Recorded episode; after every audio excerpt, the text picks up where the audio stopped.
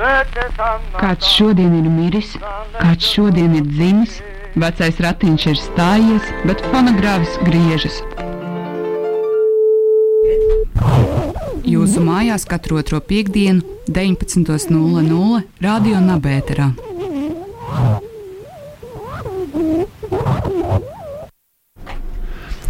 Labvakar! Ētrās skan raidījums fonogrāfs. Un studijā ir Ainārs Kamoliņš un beidzot arī man kolēģi Andrēs Balods un Andrs Hiršs.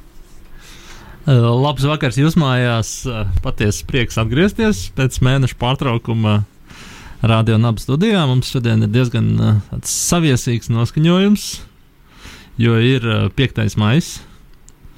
Vakar mūsu kolēģim Aināram bija jubileja. Tā kā visi, kas vēlās apsveikt, to var darīt.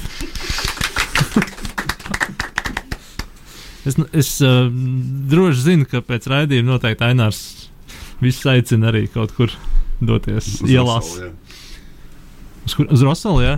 Protams, ka uz Rosolu. Bet uh, šodien uh, dzimšanas diena ir Sērnam Kirgoram, vienam no izcilākajiem 19. gadsimta domātājiem, un ne tikai.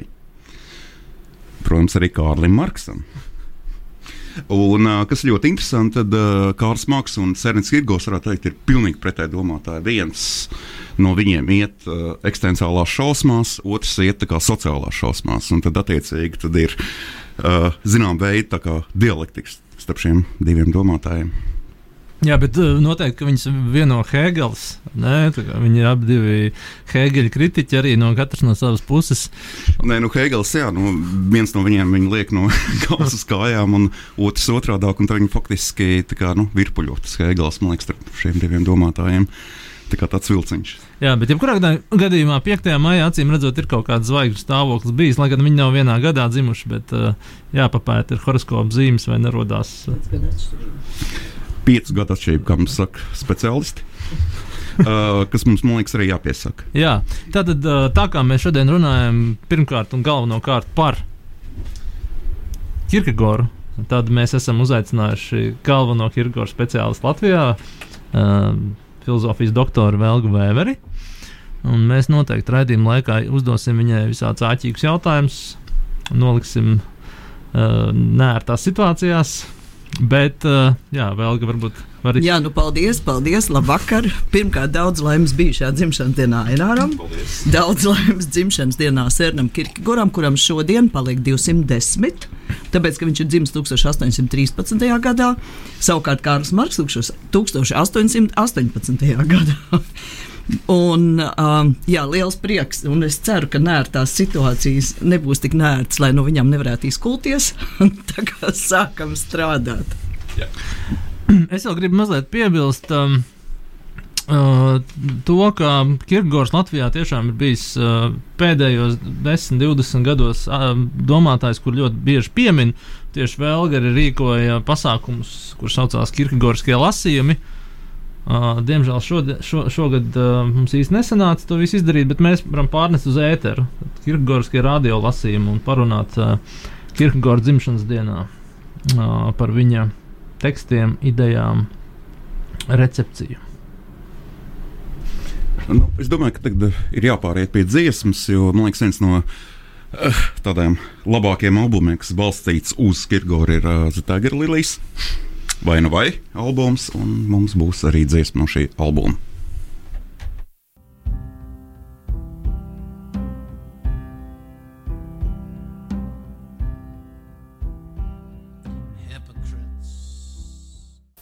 Uz Vaika Bidē šodien viesojas. Jā, tā tad šodien uz Tvaika Bidē Velga Vēver. Velga, kādas ir tavas asociācijas ar Tvaika Bidē? Nu, droši vien līdzīgi tāpat kā šī dziesmā. Jo, ja mēs domājam par šo kabarē, kabarē trio, uh, Tiger Lilies un viņu albumu uh, vai, nu vai, uh, vai nu vai arī, ja nemaldos, tas ir tieši uz Kirko 200 gadu jubileju viņš iznāca, vai vismaz apmēram, bet darbība tur notiek Šanhajā, Opija smēķētavā kur visa darbība notiek. Un, man, ja nemaldos, Pirmā pasaules kara laikā. Un tur šī eksistenciālā situācija tiek novesta līdz uh, absurdam. Un, uh, faktiski tur parādās ļoti daudz kirkoriskas tēmas. Tādā ziņā, ka tur ir. Uh, tu, jo, ja mēs skatāmies uz šo te, um, nu, galvenais, um, galvenais dziedātājs un teksta autors ir Mark, Marks, Dže, Mark, Mark, Dž, neatceros Marks uzvārds. Tad, um, tad... Kārlis Marks noteikti. Nē, bet... nē, nē. nē. nē, protams, ka nē. Bet uh, es gribēju teikt to, ka tur tas tiek novecs līdz tādam eksistenciālam absurdam, ja, pilnīgi. Bet es domāju, ja mēs domājam par Kirkegoru un par absurdu, ka tas ir ļoti, ļoti atbilstoši patiesībā. Ja, tāpēc Tvaika Bidē noteikti asociējās ar šo te dziesmu un vispār šo te albumu kopumā. Mhm. Uh, bet uh, drīkst pajautāt, uh, vai Kirgors kaut kur runā par uh, apziņu mainošām vielām vai nē? Vai viņam viss ir tikai tā patiešām? Nu, Te uzreiz man ir viena cita lieta. Par apziņu, par apziņu mainošām vielām sevišķi viņš nerunā, bet viņš runā par kafiju. Un šeit man jāsaka, ka arī šo jautājumu es esmu pētījusi, jo tāpēc, ka Kirkegora kafijas dzeršanas paradums bija baigi interesantais. Viņš um, piebēra, piebēra pilnu tasi ar uh, cukuru, ar kaudzi, uzlēja virsū ļoti stipru kafiju, un tad skatījās, kā viņi kūst, un tad dzēra šo cukuru sīrupu. Tā kā es domāju, ka tās noteikti bija apziņojošas vielas. Bet, nu, katrā ziņā nav zināms, vai viņš ar diabētu vai nē.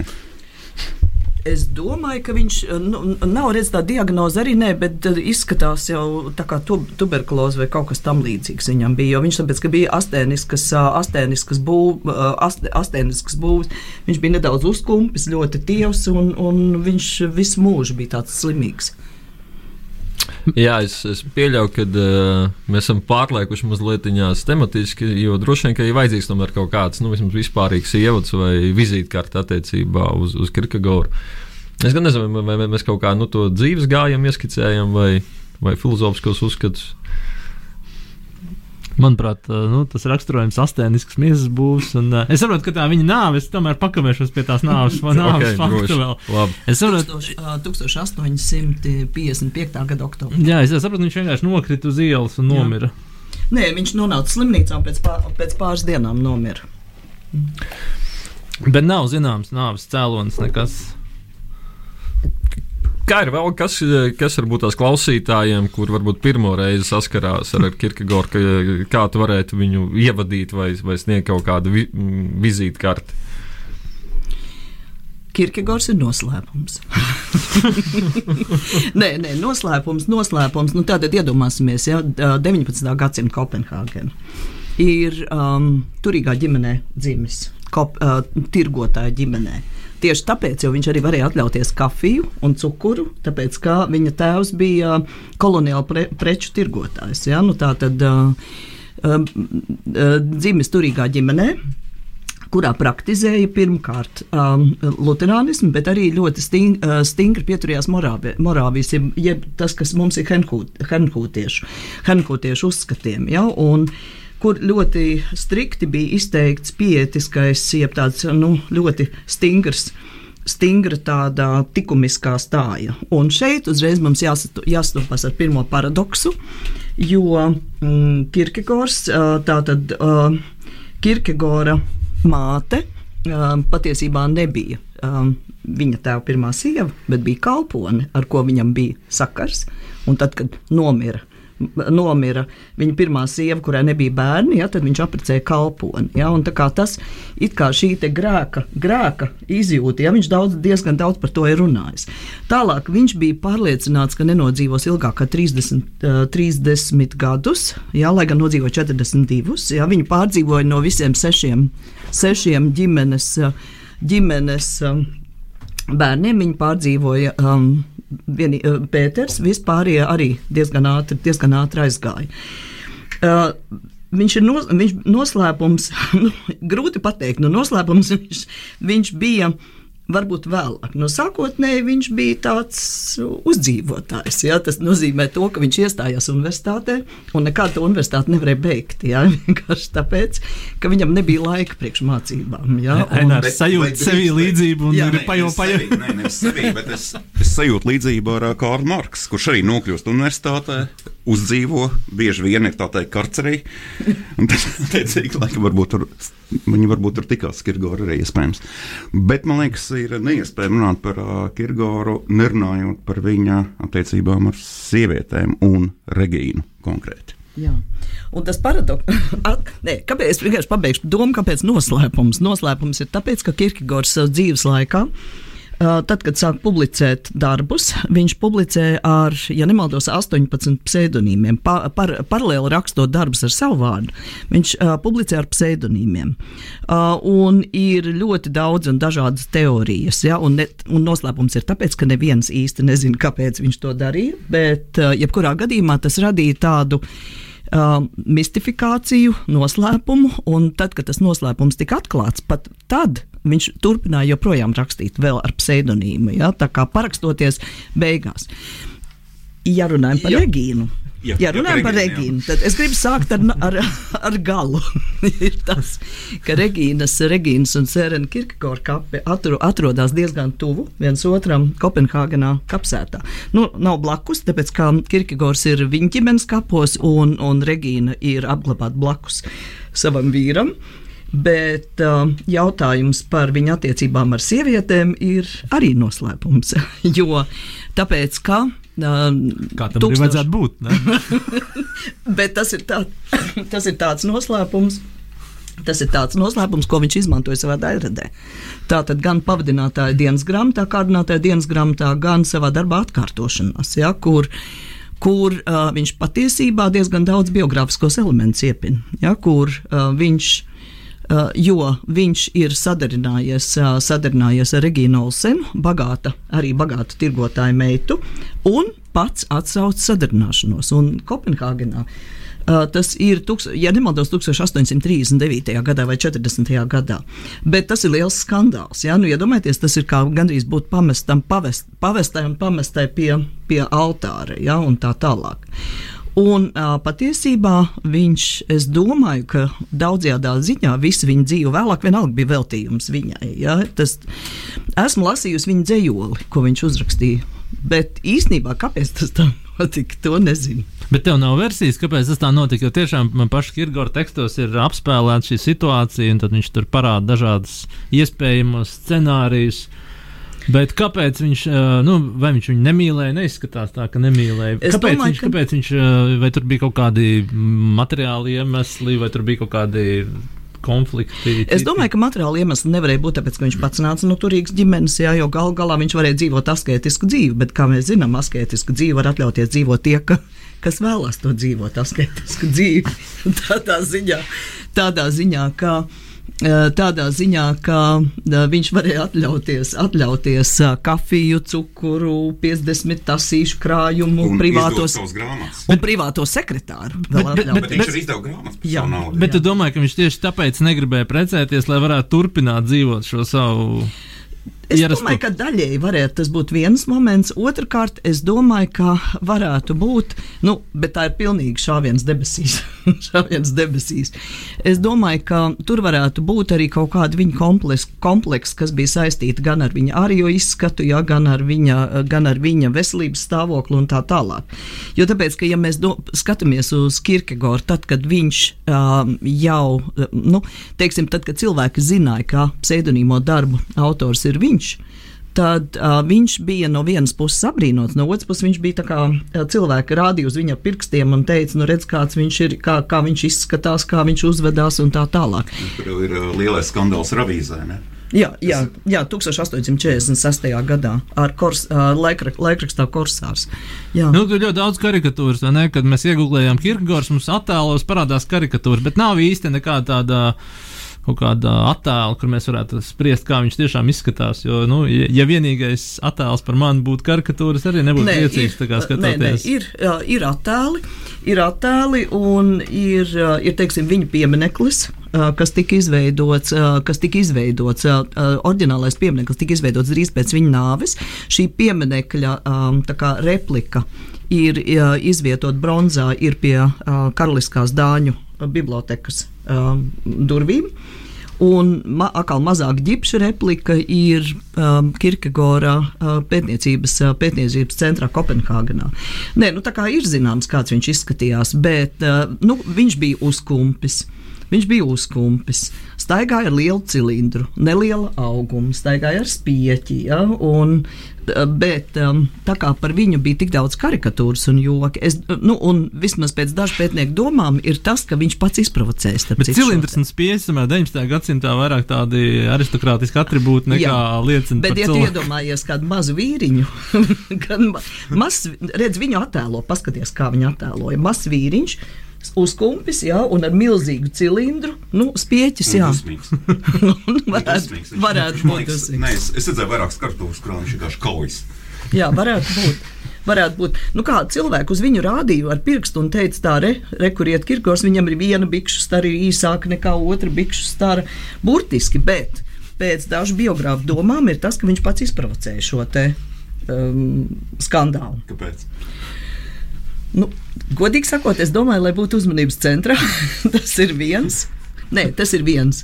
Bet otrs ir, ja mēs skatāmies nopietni, tad es domāju, ka ir viena arī tāda interesanta koncepcija, kurai es piekrītu, un tas ir tas, kā viņš modelēja savu dzīvi pēc dairādas prasībām. Saprot, viņš pielāgoja, dzīvoja tā, nevis rakstīja, kā dzīvoja, bet dzīvoja tā kā rakstīja. Ja? Tad, kad viņš, piemēram, ja mēs runāsim vēlāk par šīm trijām stadijām, ja? tātad estētisko, ētisko un reliģisko, tad, kad viņš rakstīja darbus, kas bija kā, estētiskā ievirzē, tad viņš uh, tēloja uz dzīvotāju, tēloja. Jau tad viņš tēloja uz dzīvotāju, gāja piemēram uz operu, parādījās tur. Tas bija viņa attaisnojums. Un pēc tam gāja, māj, ne, pēc tam gāja mājās un rakstīja visu naktī. Ja, Nē, es, es, es pilnīgi pieļauju, ka tas bija vienkārši viņa attaisnojums. Varbūt, varbūt. Jā, varbūt. Nu, es kā gribās estētiski padzīvot. Nē, varbūt, varbūt. varbūt. Nu, un redziet, ētiskā dzīves stadija tā ir atkal tāda. Nu, askēzes ja, stadiju un tā tālāk. Bet, kā jau es teicu, es domāju, nekas... viņš uzrakstīja reliģisko stadiju, tāpēc, ka viņš uh, saprata, ka viņš nevar apprecēties ar Regīnu Olsenu un negrib. Varbūt. Viņš saka, jā, tas ir tāds pārējais periods, ja, nu, kur tikai muļķi vienkārši Nē, varbūt, pēc, varbūt. Bet es domāju, ka viņa jebkur, jeb, jebkurā gadījumā spēlē viņa dzīvē lielu lomu. Jo viņš tā kā visus darbus vienalga viņai rakstīja. Nu. Jā, es domāju, ko mēs vēl varam pateikt par Kirkegoru. Es aicinu vienu lietu, ko es aicinu. Es aicinu, protams, uh, iepazīties ar uh, Kirkegoru daļradi, tie, kas vēl nav ar to pazīstami. Jā, latviešu valodā ļoti labi var sākt. Ir divi, divi Kirkegoru darbi tulkoti. Um, bailes un trīsas un uh, slimību uz nāvi. Jā, divi atšķirīgi darbi. Ir diezgan daudz arī dažādu materiālu, kas ir pieejami uh, par Kirkegoru vietējie ja ļoti daudz filozofi ir rakstījuši patiesībā par Kirkegoru. Uh, tev pagaidām nepārtraucu, lūdzu. Ja? Uh, tā jau, jau es nezinu, kā vēl gan droši vien varētu uzprasīt, kā ir ar teiksim, 20, 30 gadiem, vai, vai vispār Kirkegors bija zināms. Bet, uh, nu, padomu laikos arī par Kirgo rakstīju. Es, piemēram, saskāros ar Pēteru Zēles grāmatu, kad 76. eksistenciālisms, kur ir par Kirgoru. Un tālāk, tālāk mēs ejam ļoti daudz domātāji, arī mūsu Jā. draugi Zunda un tā tālāk ir rakstījis. Ainā, es jūtu, ka tu mums pārtrauc. 30. gadiem, nē, jo man jautājums bija tieši tāds pats par, tā kā, Latvijas šiem pirmajiem domātājiem, ir ceļš ņemot vērā to, ka uh, gadsimta sākumā tieši skandāla litūra bija ļoti populāra uh, Latvijā. Tad uh, reizē, tāpēc arī dīvaini, ka uh, Kirgors šķietam nebija ienācis kā literāts. Un tie jautājums par šo. Jā, domas, jā, daļēji. Es varu pateikt, ka daļēji tas ar ko bija izskaidrojams. Tāpēc, ka uh, Kirkegora uh, interpretācija Latvijā daudzajā ziņā ietekmēja um, Georga Brandesa ieskati ja, par viņu. Un Georgs Brandes bija pazīstams Latvijā, un viņš visai negribu teikt pavisam negatīvi, jā, bet viņš negatīvi skatījās uz Kirkegoru, un tas ietekmēja. Bet uh, uh, pirmais raksts, faktiski tāds īstais raksts, ja, tas bija 30, neatceros, 36. gadā Milda Zālīte, žurnālā Daugava. Uh, žurnālā Daugava. Viņa rakstīja par, rakstīja par Kirke. Man liekas, ka 36. gads tas bija uh, literārais žurnāls Daugava. Un, Uh, un uh, tur ļoti interesanti parādās, parādās tas pētījums. Es domāju, nu, atkal tā ir tikai mana versija, ka daudzajā ziņā Kirkegora nepazīstamību ietekmē tas, ka tomēr uh, vācu, uh, vāciski runājošā vidē. Ja, Kirkegors uh, nu, bija tāda aiz, aiz, nu, teiksim, aizsprieduma, aizsprieduma at, um, attiecības. Bet, kā jau es teicu, Latvijā to ietekmē tieši Georga Brandesa Brandes idejas, jo Georga Brandes Kirkora biogrāfija bija tulkot vāciski un bija zināma Rīgā. Kāpēc viņam nepatīk Kirkors? Filozofiski apsvērumi. Es domāju, ka viņš viņu neuzskatīja par filozofu. Un īstenībā jau nu, Kirkors tagad nāž akmens, asmens visu laiku. Te mums ir mūsu kolēģi Andra Hirša argumenti droši vien jāņem, jāņem lietā, jo es lasot uh, grāmatu par Jēka Bosi, vienmēr atceros jā, šo domu. 19. gadsimtā ir tā saucamā akadēmiskā un neakadēmiskā filozofija. Es pieļauju, ka tur tas iemesls, jo Kirkgors asociējās ar šo neakadēmisko mm -hmm. filozofiju, lai gan Viņš pats ir rakstījis ļoti daudz arī akadēmiskus darbus. Nu, ne ļoti daudz, bet ir rakstījis un um, ievērojams darbs. Droši vien tā viņa attieksme, pozīcija ļauj varbūt raksturot, kāpēc viņš nebija netik novērtēts varbūt savas dzīves laikā, vēl 19. gadsimtā. Un Vēl viens varbūt jautājums, ja mēs skatāmies no šodienas perspektīvas. Eh, Latvijā Kirkegors ir pazīstams autors. Kā ir citās valstīs, respektīvi, vai, vai viņš ir tā kā tikpat atpazīstams, nezinu, Lietuvā, cik Latvijā vai kaut kā tam līdzīga, kādas ir tās tendences, droši vien, ka tu zini. Uh, nu, ir tā, ka, protams, ka um, ir redz, Kirkegors atkal atgriežas pie tā, ka Kirkegors ir noslēpums un viņi interpretē katrs no sava kalniņa viedokļa teiksim, analītiskā filozofija skatās uz viņu no analītiskā viedokļa. Ja, ja mēs, piemēram, piemēram būtu Helsinku universitātē ja, vai, vai Oslo universitātē un tā tālāk, tad tur Kirkors pazīstams un viņu analizētu vairāk no analītiskā viedokļa. Bet uh, man personiski problēmas ar Kirko, nevis man, man nav bijušas problēmas ar Kirko.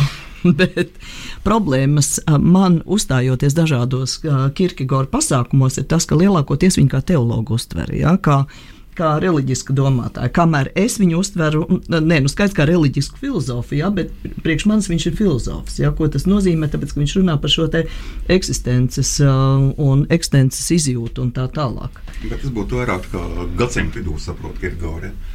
Kad uh, viņš tiek aktualizēts uh, eksistenciālistiem. Nē, es vienkārši domāju, nē, nu tā tad Lietuvā, Lietuvā ir daži cilvēki. Jā, nu, nav ļoti daudz, jā, bet ir, uh, ir, uh, ir vairāki, uh, vairāki, mm, vairāki cilvēki, jā, kas uh, interpretē Kirkegoru. Nu, protams, ka tas ir Kirkegora pētniecības centrs, kas ir, uh, kas ir Kopenhāgenes universitātē, bet redz, tur blakus ir uh, subjektivitātes centrs. Tas ir uh, vismaz agrāk bija Dans Zahāvī, kur bija priekšnieks ja, šim centram, tad viņi, protams, arī raksta par Kirkoru no, no, citādāk, no citādāk viedokļa. Ja. Tad neapšaubāmi esmu tikusies ar pētnie, franču pētniekiem, itāļu pētniekiem, slovāku. Tu taču biji arī Amerikā un studēji, bet vai tur, tur arī kaut kāds lociņš ir? Amerikā taču arī ir viņiem. Jā, bet tur ir atkal saudabīga situācija. Saudabīga situācija ir tāda, ka Amerikā ir Kirkora biblioteka. Kirkora biblioteka nodibināja Edna un Vincents Hongi, kuri tulkoja. Uh, nu, nevis pēdējais, kas tulkojums, jā, bet tas iepriekšējais pilnais, to, pilnais, uh, pilnais sējums. Un viņi bija, uh, nu, viņš bija šīs universitātes profesors, un viņš uzdāvināja savu biblioteku un nodibināja šo Kirkora pētniecības centru. Bet, ja mēs runājam teiksim, par Kirkegora pētniecību, pētniecību ārpus šī Kirkegora, bibliotekas un Kirkegora pētniecības centra St. Olaf koledžā Norsvildā, Minnesotas štatā, tad um, viņš ļoti bieži nu, redzi, uh, ieslēpies ir uh, teoloģija, teoloģijas, re, ne, es pat negribu teikt teoloģijas fakultātēs, bet reliģija fakultātēs. Ja? Tas nozīmē to, ka viņu, nu, viņu pēta kā teologu, ja? kā reliģisko domātāju un tā tālāk. Vai atkal literatūra kritikas, starp citu, ja? piemēram, kā lit, literatūra kriticisms ja? un tā tālāk. Jā, es domāju, par Kirgora recepciju varētu runāt ilgi un dikti. Es nepabeidzu. Ir diezgan daudz dažādu tekstu arī latviešu valodā pieejami. Un arī kā vēl ļoti labi izteicās, katrs no sava kalniņa. Es varu paņemt Kirgorskos lasījumus un paskatīties autors. Mēs redzam, rakstē. Nē, nu, katrs no sava kalniņa jā, interpretē vai no frančiem, vāciešiem un uh, vēl versijas, ka Heidegers ir Kirgorietis, tikai kurš to neatzīst un um, vēl daudz lietas. Protams, par to mums varbūt nesanāks laika runāt, bet mēs kaut kā nokomunicēsim. Kurš ir lielāks vai lielāks Dānis, Hans Kristians Andersens vai Kirkegors, kur bija laika biedri vai nē? Un, kā, Nevar to pateikt. Nevar to pateikt. nevaru atbildēt. Tāpēc, Es- ejam, tāpēc ejam muzikālā pauzē un pēc tam parunāsim par dažām citām lietām vēl. Jā, tātad raidījums fonogrāfs atgriežas ēterā. Tālruņa numurs studijā. 6722, 9986. Ja nu kādam rodās jautājumi par Sērenu Kirkegoru un uh, kādas idejas, jā, kurš ir uh, lielāks Dānis Kirgors vai, vai Andersens, te mums radās vēl viens jautājums, uz ko varētu būt atbilde kādam no mūsu klausītājiem. Ainār, vai no, var noformulēt šo jautājumu? Šis jautājums būtu ļoti, ļoti vienkāršs. Proti, tajā nozīmē, ja mēs aplūkojam Kirgoru un Latvijas saistību, tad bieži vien mēs redzam kaut kādas paralēlis starp domātājiem, kaut kādiem Eiropas vai pasaules domātājiem un Latvijas kaut kādiem rakstniekiem vai arī domātājiem. Nosauc kādu piemēru. Uh, piemērs. Uh, Es esmu redzējis, piemēram, to, ka saliek kopā bārdu ar Bergsonu. To dara Milta Pelēvičs. Uh, vai arī, piemēram, Rains un Nīčs. Kā šis pārcilvēks tam līdzīgi. Un tad jautājums, vai Latvijas kaut kāda domas vai literatūras kontekstā ir kāds, kas varētu būt paralēls Kirgoram? Pirmā doma man bija Jānis Poruks, bet man ienāca prātā Jānis Ziemeļnieks. Varbūt. Noskaņas ziņā. Es, es nevaru pateikt, man, tas man, um, neesmu šo jautājumu pārdomājis, bet tā ir pirmā, pirmā asociācija. Man bija poruks, jā, un tur gan ir tas, jā, uh, uh, tur, nu, protams, attieksme pavisam savādāka, jā, ir un vēl. Bet um, tāda eksistenciālās, tāda iekšējās nemieras, uh, trauksme, dzīves traģika, Jānis Ziemeļnieks. Alberts Bels. Arī, arī būris. Ja? Nu, tad pārāk daudz mums tiek irkagorieši, varbūt arī kaut kādi jau mūsdienu ir versijas varētu būt. Bet ā, šobrīd, ā, šobrīd mēs esam pusē raidījumam, un ā, mūsu šodienas iecerē, viena no iecerēm bija arī apskatīt, nu, laikam, slavenāko Kirgoru tādu konceptu par trīs stadijām. Un pēc tam šo konceptu arī izspēlēt. Ja, es, es domāju, ka vēl no sākuma varētu pastāstīt, ja, kas tad ir šīs trīs stadijas Kirkegora filozofijā. Un pēc tam mēs varētu izspēlēt, jo šī doma mums bija radusies jau diezgan pasen. Tā kā mums ar Aināru ir dažādi uzskati par pasauli, tad mēs katrs pārstāvēsim savu stadiju. Varbūt kāds mums palīdzēs ar reliģisko stadiju vēl. Bet, uh, jā, Velga, vai tu vari, vai tu vari raksturot īsi jā, Jā. šo, Uh, šo jā. ideju? No vienas puses, šīs stadijas ir ļoti interesants, ā, interesants, ā, interesants jēdziens.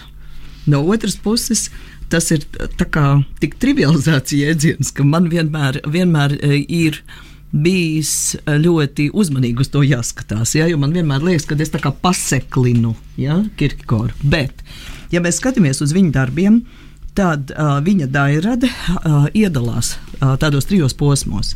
Tātad pirmais posms bija, um, bija uh, posms, kad Kirkors rakstīja, publicēja uh, sākot ar 1843. gadu. Tad, kad viņš publicēja savus darbus, vai nu, vai arī, piemēram, kur, kur vesela virkne kur vesela virkne bija darbu, kas veltīti estētikas jautājumiem, ja, piemēram, par Donžonu, par uh, pavadē dienas grāmatu, par um, um, augu seku un tā tālāk.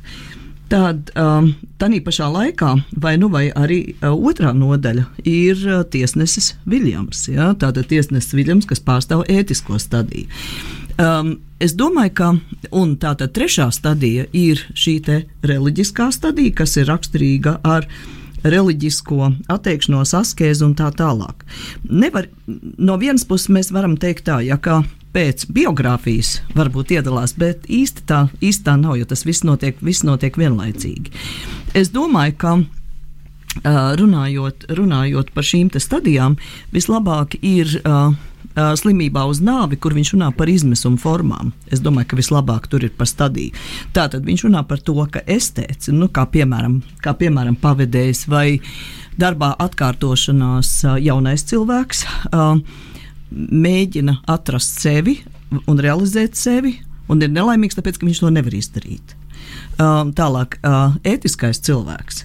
Viņš tā kā sevi realizē, bet saprot, ka, um, ka viņš ir patiesībā puteklis salīdzinājumā ar visu pasauli. Un savukārt reliģiskā stadija. Uh, Tā ir tā kā atteikšanās no šī izmisuma, izmisuma stadijas. Ja, un, Uh, un uh, tā kā pāriešana, pāriešana citā kvalitātē, jeb citiem vārdiem sakot, ir tas, ka tā ir nu, tā kā ļaušanās, lēciens ticībā, vai ticības lēciens, jā, to divējādi. Jūs drīzāk papildināt, vienkārši, kā es sapratu no tās sarunas, tas sanāk, ka gan estētiskā, gan ētiskā uh, stadija, nu, proti, sev realizēt vai kaut kādā uh, tam līdzīga, nozīmē, ka tur ir zināma veida teleoloģija. Mm -hmm. Savukārt, uh, reliģiskajā tieši atskaits no šīs teoloģijas, tā ir šī paļaušanās to, ka tu tiec noteikts caur citu un sevi. Jā, ja, ļoti labi. Iespējams. Nē, nē, ļoti labi. ļoti labi noformulēts. Labi rūk, rūkts lauva. nē, es, nē, nē, tiešām labi noformulēts. Nē, vienkārši tāpēc, ka uh, tur ir tā, ka ir, ir cilvēks ir nelaimīgs vienmēr. cilvēks ir nelaimīgs. Ar to sāksim, vienmēr. jā bet viņš ir nelaimīgs dažādu iemeslu pēc. Es teicu, ka redz, estēts ir tāds, ka viņš skrien pa dzīvi un meklē baudas un saprot, ka tās baudas nedod viņam piepildījumu. Starp citu, ja piemēram, kā tādu um, raksturīgu, raksturīgu piemēru šeit var minēt viņa Donžuānu, ja, kur arī uh, erotiskā, tāda nepastarpinātā erotiskā stadijas jeb Donžuāns. Tas ir no, no pavadēja dienas grāmatas, ja, piemēram. Un viņš ir nelaimīgs, tāpēc, ka viņš sev nevar realizēt. Ētiskais cilvēks it kā var sev realizēt, bet viņ, viņš saprot, ka tas, ko viņš ir sasniedzis, viņu nedara laimīgu. Ja, Labi, es, es jau tagad sāku. Nē, es domāju, es ka mēs, mēs, mēs dosim, nozīmē, dosim ka... oficiālu startu. Jā, jā. tā tad vēl mums ir. Mums ir iepazīstinājis, Nē, un tagad tas bija ļoti labs sākums. Tas nozīmē, tas, ka tas uh, not, noteikuma procedūra būs tāda, es domāju, nu, es nezinu, cik divas minūtes katram. Nē, nu kāds divas minūtes. Uh, Ainar, bet tas, ko es gribētu pateikt, tas, ka es teicu, ka es esmu laiku. Es teicu, kā studija. Viņi ir nelaimīgi ne jau tajā nozīmē, ka kaut kas tiek īstenots. Jo, nu, principā es teicu, ka es īstenoju sevi, bet viņš nevar īstenot visas iespējamības. Un tas ir iemesls, kāpēc ētiskā stadija ir nelaimīga, jo tur ir tikai viena iespējamība. Un viņš nevar īstenot citas, jo viņam nav iztēles. Un ētiskais jau principā jau balstās to, ka viņam ir šī iztēle par dažādu veidu dzīves iespējamību. Līdz ar to ētiskais ir vislabākais. Un tas arī iemesls, kāpēc principā bez estētiskā nav iespējams arī reliģiskais, jo principā reliģiskais jau domā arī par šo iespējamību, absolūto iespējamību. Ko ētiskais nevar izdarīt, jo ētiskais ir atkarīgs no sociālā. Un uh, sociālais savukārt nevis sniedz iespējamības, viņš vienkārši noliedz jebkuru veidu izvēles. Ainār, vai tas noslēdzas? Jā, tā tad mēs. Uh, mikrofons nenokrita, bet. um, Andrim, principā, vajadzētu moderēt, bet es jūtu, ka es moderēju. Tad, uh... es, es moderēšu. Labi, Nē, Andris moderē. Labi, Andris moderē. Labi, tad es moderēju. Labi, tad es tu, tu sapratu, ka noslēdz Aināru. Ja? Tad mēs varam dot. Nē, tas, ko es gribēju vai... pateikt, to, ka es teicu, ka es ir labākais. Tajā nozīmē, ka tur ir bezgalīgi daudz iespējamības. Un tas izmisums ir tikai no tā, cik jūties labi, kad nespēji visu īstenot. Labi, Ainār, to jau mēs sapratām. Tu mazliet aizēji pāri apli. Tu, Nē, nu, tu, bet, bet mēs, es teicu, ka es ir apels, kurā principā, principā pavadēja dienas grāmatu balstās uz apli, kurā vienkārši visu laiku atcerēs savas izdarītās lietas un ar to fantazē. Lūk. Labi, tad uh, droši vien dodam vārdu Andrejam. Jā, paldies. Uh, Enār, um, lieliski arī demonstrēja estētiskā dzīvesveida uh, iznīcību, ka tas ir aplis kaut kādā ziņā. Bet uh, es pieņemu argumentu par iztēlu, man liekas, pietiekami vērtīgs, kvalitatīvs arguments. Jā, tad, iespējamās uh, realitātes, ko viņš var mēģināt īstenot. Uh, aizstāvot ētisko, uh, nu, var kavēties droši vien pie vairākiem Kirkegora darbiem. Es nekavēšos tieši pie darbiem, varbūt pie trīs punktiem drīzāk, uh, kurus gribētu uzsvērt. Pirmais punkts. Nē, pirms es sāku pirmo punktu. Droši, man šķiet, kā es to lasu, kā es jaunībā lasīju Kirkegoru, ka šī izvēle starp estētisko un ētisko ir izvēle, kā attiekties pret erotiskiem objektiem. Tas ir interesanti. Kirgors šo jautājumu, ētisko jautājumu tiešām risina mīlestības uh, sfērā vai mīlestības frontē.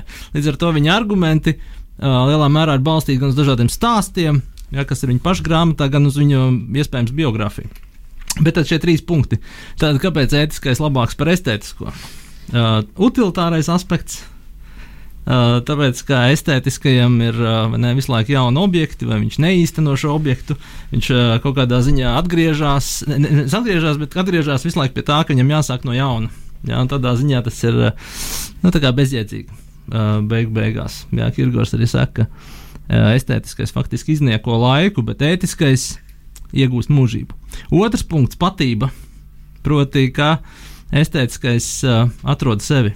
Nu, ja mēs uzskatām, ka ka atrast sevi ir vērtīgi. Uh, tad uh, mēs varētu izvēlēties e ētisko dzīvesveidu, jo estētiskais neatrod sevi. Un tā ir interesanti, man liekas, Irgoram tā doma par to, kas tad ir šī patība vai es. Uh, Proti, patība vai es nav nu, vienkārši, ka mēs esam kaut kādas personības. Ne? Tas, ka tu esi Ainārs vai Mandrejs, kā mums ir šis es, ja, bet uh, Kirkegora gadījumā es ir nevis uh, tas, kas ir tava persona vai personība, bet tas, ko tu izvēlies.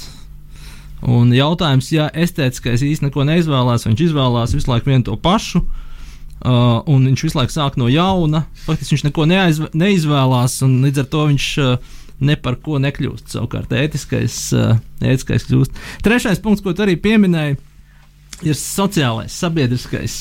Es gan neredzu, kā tur ir kaut kāds uh, negatīvs elements ētiskajam, jo uh, nu, tas, ka tu esi ētiski atbildīgs cilvēks, eh, tu izturies arī ar atbildību pret apkārtējiem cilvēkiem. Un uh, tu neesi vienkārši pieklājīgi runājot kretīns. Okay, te ir ļoti Ainār, Ainār, nē, pagaidi, pagaidi, pagaidi. Pag. Noteikti, ir visi izsakās, jā, un tad, jā. tad mēs. No sākuma izējām cauri visām tām stadijām, jo mēs citādi netiksim. Tad, uh, Andrej, tu noslēdz droši vien. Es esmu noslēdz, jā. Jā, tad droši vien mums paliek trešā stadija. Es nezinu, Alga, tad šajā gadījumā tev vajag droši vien ieskicēt vai reprezentēt īsi. Uh, nu, ja domāju par reliģisko stadiju, tad um, es vienmēr domāju par darbu bailes un trīsas. Ja, tātad bailes un trīsas 1843. kas iznāca 1843. gada 16. oktobrī. Bet interesanti, ka vienā dienā ar atkārtošanos. Ja, tas iznāca tātad reliģiskais darbs un estētiskais darbs vienā dienā. Vai tā ir nejaušība? Iespējams, bet man patīk, ka nejaušība vienmēr liecina par kādu likumsakrību. Bet um, šī ziņā ja, um, ir jautājums, par, jautājums ir par to, par teiksim, at, nu, pilnīgu atsacīšanos, jā, tā kā pilnīgu atsacīšanos un no, no nu, kas reprezentējās stāstā par Abrahāmu, Morejas kalnu, Īzaku un Īzaku iespējamo ziedošanu. Kas ir interesanti Kirkegoram, ir tas, ka viņš šo stāstu izstāsta vairākās versijās. Viņš izstāsta, tātad, ja mēs atveram darbu Bailes un Trīsas, kas ir tulkots latviešu valodā, uh, tulkotāja Ingrīda Mežraupe, tad Tad šai darbā, ja, kas man vienmēr ir interesanti, ir lasīt visas, visus šos stāstus. Ja, ja nemaldos, tur pieci, pieci vai seši stāsti, kur tiek no dažādiem viedokļiem izstāstīts ja, par ceļojumu uz Morejas kalnu. Un jautājums tā tad ir par to, par, par šo absolūto atsacīšanos. Un, ja es, piemēram, domāju šajā kontekstā, reliģiskajā kontekstā par Kirkegoru, tad man šī tēma, kas caurauž to, ir uh, klusēšanas tēma, klusēšana. Jo tāpēc, ka uh, tur vienā gadījumā klusē sāra, zāra, vienā, klusē, vienā gadījumā klusē īzaks, ja, kas nespēja to stāstīt, un Vienā gadījumā klusē Abrahams, ja, kurš ir gatavs ziedot savu dēlu, bet patiesībā nu, uh, nu, pēdējā brīdī ja, Dievs viņu izglābja, ja, bet šī atteikšanās. Un, uh, es domāju, ka tā reliģiskā stadija ir ļoti cieši saistīta ar nespēju vispār izteikties, nes, nespēju, nespēju runāt, jeb klusuma problemātiku. Uh, tātad es teicu, ka Pagaid, ne, ne, nebūs Aināra pagaidām. Uh, vai, vai, vai, vai, vai, vai Aināra, lūdzu. Vai, vai, vai tu pabeidzi vēl? vai Nē, es vienu teikumu gribēju Okay, pateikt. droši. Un, piemēram, Frančs filozofs Žaks Derridā, uh, runājot par šo te ētisko stadiju, viņš runā par um, ētiskā, ētiskā atcēlumu. Ja, Tātad uh, par ētiskā atcēluma stadiju. Un tad jautājums ir vienmēr, vienmēr kas rodas visiem Kirkora pētniekiem šī gadījumā, ir, vai mēs par dēlu slepkavību varam runāt kā par ētisku aktu, kā par reliģisku aktu, ja, vai, vai tas vispār ir attaisnojams. Ja, un uz to redz atbildes nav. Es beidzu. Um, labi, es, es domāju, es- ka Aināra pagaid brītiņu. Uh, jautājums, kā mēs darām, mēs droši vien to mūzikas pauzi pagaidām vēl netaisām. Ja? Tā kā turpinām, katram, ne? Droši vien, ka. Aināra pagaid brītiņu. Katram viens Tad komentārs. droši vien, ka vienkārši komentārs nu, sakam par to, ko Ainārs pateica, un ko tu pateici, un ko vēl pateici. Un ne, tas kā būtu loģiski. Tad no sākuma droši vien vai pagaidi, Ainār. Vai, vai, vai, vai ir komentāri vai iebildumi par to, ko, ko Ainārs teica eh, tev vai Velgai? Es jau teiksim, savu komentāru izteicu arī savā runā. Nedaudz es pieļauju, ka Aināram būs komentāri par mani, un tad es arī iespējams atbildēšu Tad par, par, par Aināru no sākuma. Jā, Jā, jā, jā. Nu, kā pat Loģiņš pirmais Jā. runāja, tad. Labi, eh, Vēl gai varbūt komentārs ir par Aināru. Es gribu teikt, man, man, mans viedoklis arī ir pretējs. es gribēju teikt to, ka redz, estētiskā problēma, jā, cilvēka problēma jā, un izmisums pēc Kirkora, pēc manā skatījumā, ir tas, ka viņš nespēja atrast šo te. Viņam ir tas objekts, pēc kā viņš dzenas. Ja? Viņš it kā viņu atrod, bet saprot, ka tas nav tas. Ja? Un es domāju, ka no tā rodas izmisums. Nu, tas ir mans komentārs Aināram. Labi, vai tev, vai tev ir kaut kas, ko Atbildēt. at, atbildot tieši Uh, par izmisumu? Nē, es, es drīzāk teiktu, ka uh, ir viena lieta, ko vēl ļoti labi iezīmēja par to, ka estētiskajam un reliģiskajam ir kopā, kopīgs noslēguma punkts, proti, klusums. Tajā nozīmē, ka, piemēram, estētiskajam absolūti ideālākais mākslas darbs ir, tā teikt, Džona Keidža 4 minūtes 33 sekundes, kā klusums absolūts, un melnais kvadrāts. Un uh, līdzīgā kārtā, pieņemsim, tas atšķirās no ētiskā, kurā ētiskais ir burtiski vienkārši mediju pasaule, kurā viss kaut ko runā, viss ir skaļi. Un noslēgums ir, jo skaļāk, jo labāk. Jā, bet eh, tā tad mēs pārējām Tā tad, ā, pagaidi, līdz ar Ainār. to- Tad līdz ar to varbūt par, par Andreju teikto, vai ne? Jo par, Nu, tad, par es- teviem jau bija. Tad par es reizē pateicu, ka, jā, ka ētiskais vienkārši nerulē, reliģiskais un estētiskais rulē, jo tur ir kopīgs punkts. Absolūta individualitāte, individuāls attiecības ar objektu un klusums. Bet tas arguments attiecībā uz to, ko Andrejs teica par to, ka uh, tu teici, ka tas ētiskais nerulē tā, tad jo. Nē, nu, ētiskais nerulē tajā nozīmē, ka uh, ētiskais it kā runā par to, ka viņš ir universālais. Uh, Proti, ka visiem saistošs, bet reizē šī saistība ir nevis personiska, tā ir tā kā, nu, sociāli, tā kā, nu, sociāli determinēta. Vai, vai tev, Andrej, ir kaut kāds, kaut kāds komentārs par, par šo Mm, Aināru domu? Mm, Par Aināru domu. Nē, es vienkārši tā līdz galam viņai nepiekrītu šai Aināru domai. Uh, jo Ainārs nepamatot izceļ vai ne, noliek šo ētisko ārpus. Jo, teiksim, reliģiskais nav iespējams bez ētiskā. Un, teiksim, lai tu tā kā pa trepēm ej, ejot, estētiskā. Nu, arī jā, ja mēs tā skatāmies, jo tā kā reliģiskā stadija atrodas nu, sakarā ar ētisko. Viņu vajag, vajag atcelt. Ne, Nē, problēma, nē, problēma šeit ir tāda, ka uh, ētiska rīcība ir sociāli determinēta rīcība, savukārt reliģiska rīcība nāk no pašas personas. Tas ir līdzīgi kā estētiskajā. Tas ir absolūti individualitāte. Individuāli tu to dari un nevis kaut kādā veidā. Kāds tev spiež Mhm. darīt? Jā, es, es, es nepiekrītu tam, ka ētiska rīcība ir sociāli determinēta rīcība. Uh, tāpēc, ka nu, pirmkārt, uh, var iz- izvēlēties nu, dažādas pamatojumus savai rīcībai. Nu, neviens tev neliek rīkoties uh, morāli noteiktā veidā. Jā, nu, ētiskās kategorijas tas galvenais subjekts ir Sokrats. Protams, mēs varam teikt, ka Sokrats ir uh, Kirkegoram uh, sociāli determinēts. Es domāju, mēs redzam arī tās, lasot Platonu, mēs redzam dažādas jā, Sokrata dilemmas vai Sokrata prāvu. Mēs redzam, jā, kādas ir viņa tās izvēles dzīvē. Uh, protams, jā, es, es piekrītu, ka galu galā jā, ētiskajam ir vajadzīgs kaut kāds jā, šis atskaites punkts, universālais. Uh, jā, bet tas tāpēc nenozīmē, ka dzīve, kurā nu, mēs atskaitāmies universālajiem, ir kaut kādā ziņā nu, nezinu, nu, tā dzīve, kas nerūlē. Ja? Es gan nerulē. Bet tad paliek, tad paliek, tad paliek uh, vēlga stāstīt. Tad Es stāstīju, es stāstīju taisa par, par trešo stadiju. Jā, tā bija, tā bija komentārs. Jā, Nokomentēt droši. viņus abus. Labi, jā. Es gribēju teikt, um, es faktiski gribu citēt Kirkegoru šajā gadījumā. Tātad viņš runā par uh, tiešamību, ētiskajā stadijā, ja nu tāda uh, nepastarpināta uztvere, refleksiju. Uh, ētiskajā stadijā un pa, ot, pakā, otrreizējo atkārtoto tiešamību reliģiskajā stadijā. Tā kā jums abiem ir taisnība. Bet man vairāk. Samiernieciskā pozīcija, bet uh, attiecībā, jā, tad uz vēlgas teikto jums ir kaut kādi komentāri. Nu, man ir viens. Ir bet, viens, ā, jā. Ainārs, tu pats sāk. Nu. Nē, es, es ļoti ātri es jau pateicu, ko es domāju par reliģisko stadiju, bet reizē nu, reliģiskais ir ārpus sapratnes, jo tas ir caur lēcienu absurdā. tā teikt. Līdz ar to grūti komentēt šo lēcienu. Jā, Jā. klusē.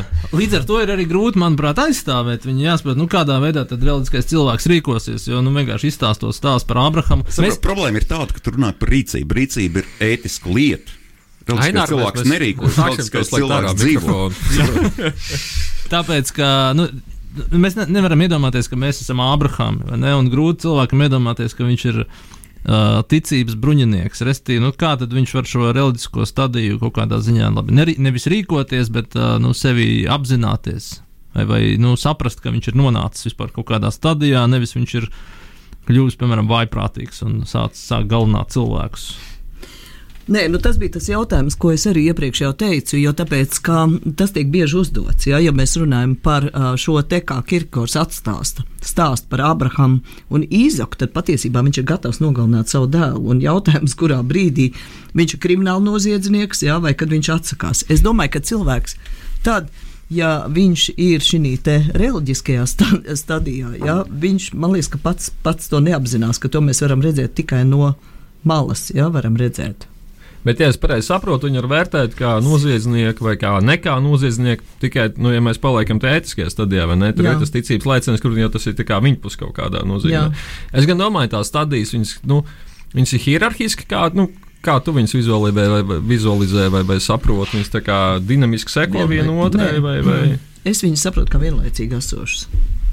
Vienlaicīgi esošas, jo, ja, ja mēs pat skatāmies, piemēram, to pašu uh, vai nu vai arī, ja, tātad 1843. gada darbu, pirmā daļa, kas ir um, estētiskā, ja, kur ir estētiskā, otrā daļa, kas ir tiesnesis Viljams, ir ētiskā, ja, un izdots tas ir vienā darbā, 1843. gadā. Un 43. gadā iznāk arī atkārtošanās, kas ir arī par um, ētisku, um, estētisko stadiju, un vienlaikus vienā dienā ar to iznāk bailes un trīsas. Bet, eh, bet vai būtu iespējams, ka viens subjekts vienlaicīgi apvieno sevi visas šīs trīs stadijas? Laikam jau ne, vai ne? Nebūtu domāju, nē. iespējams, vai ne? Jā. Uh, Man liekas, nu, es šeit varbūt varētu nepiekrist, jo īstenībā to ļoti viegli. Tas ir Ainārs. nē, nu, nē, nu, tajā nozīmē, ka tiešām tā estētiskā stadija ir saistīta ar reliģisko stadiju, un reizē tu vari rīkoties tiešām caur šo universālo. Man liekas, tas ir iespējams. Man tā liekas.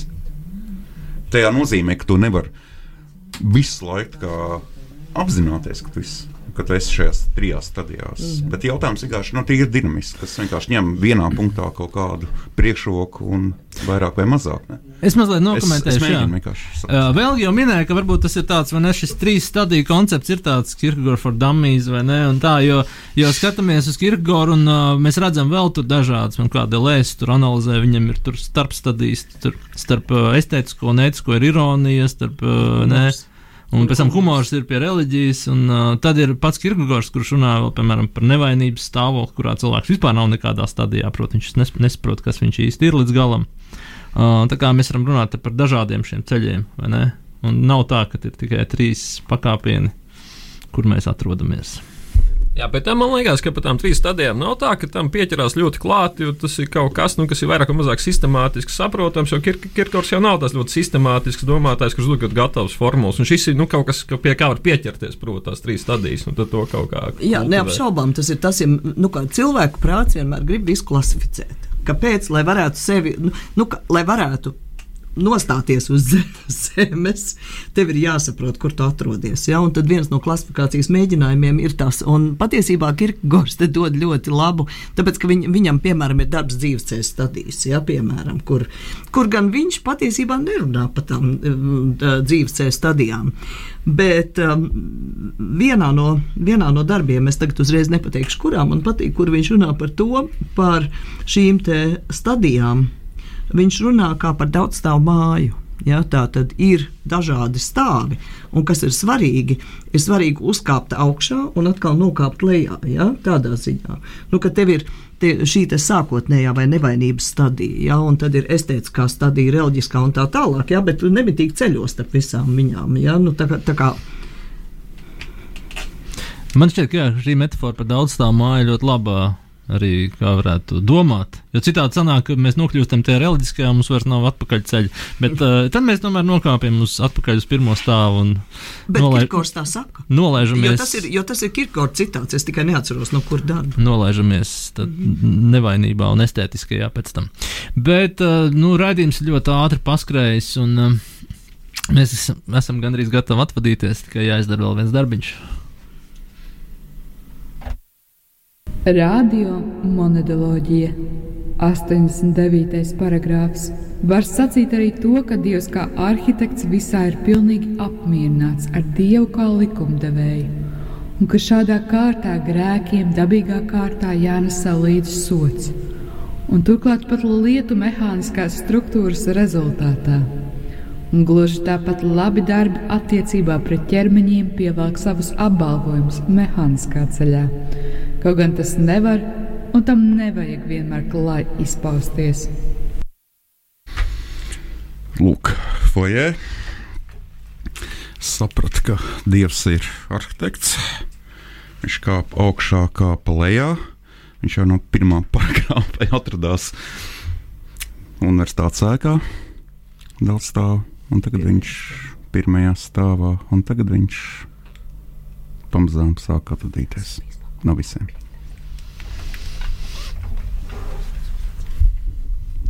Jā, nu, šī vakara raidījums tuvojas noslēgumam. Būtībā jau to noslēdz. Es nezinu, mums ir kaut kāds tāds kopsavilkums ļoti īss, ko, ko mēs varētu, ar ko mēs varētu atvadīties no klausītājiem. Nu, principā es atvadītos, sakot, ka es teicu, ka stadija ir vislabākā. Paldies! Es atvadītos ar to, ka es teiktu daudz laimes dzimšanas dienā Sērena Kirkegoru un Kārli Marks. Un Kārli Marks. Jā. Nu, es at atvadītos, teik, nu, teiktu, lasiet Kirkegoru un uh, kāpiet pa trepēm. Jā, un es droši vien varētu atvadīties, sakot, ka tad jau tiksimies pēc divām nedēļām, kad uh, runāsim par Berlīnu, acīm redzot.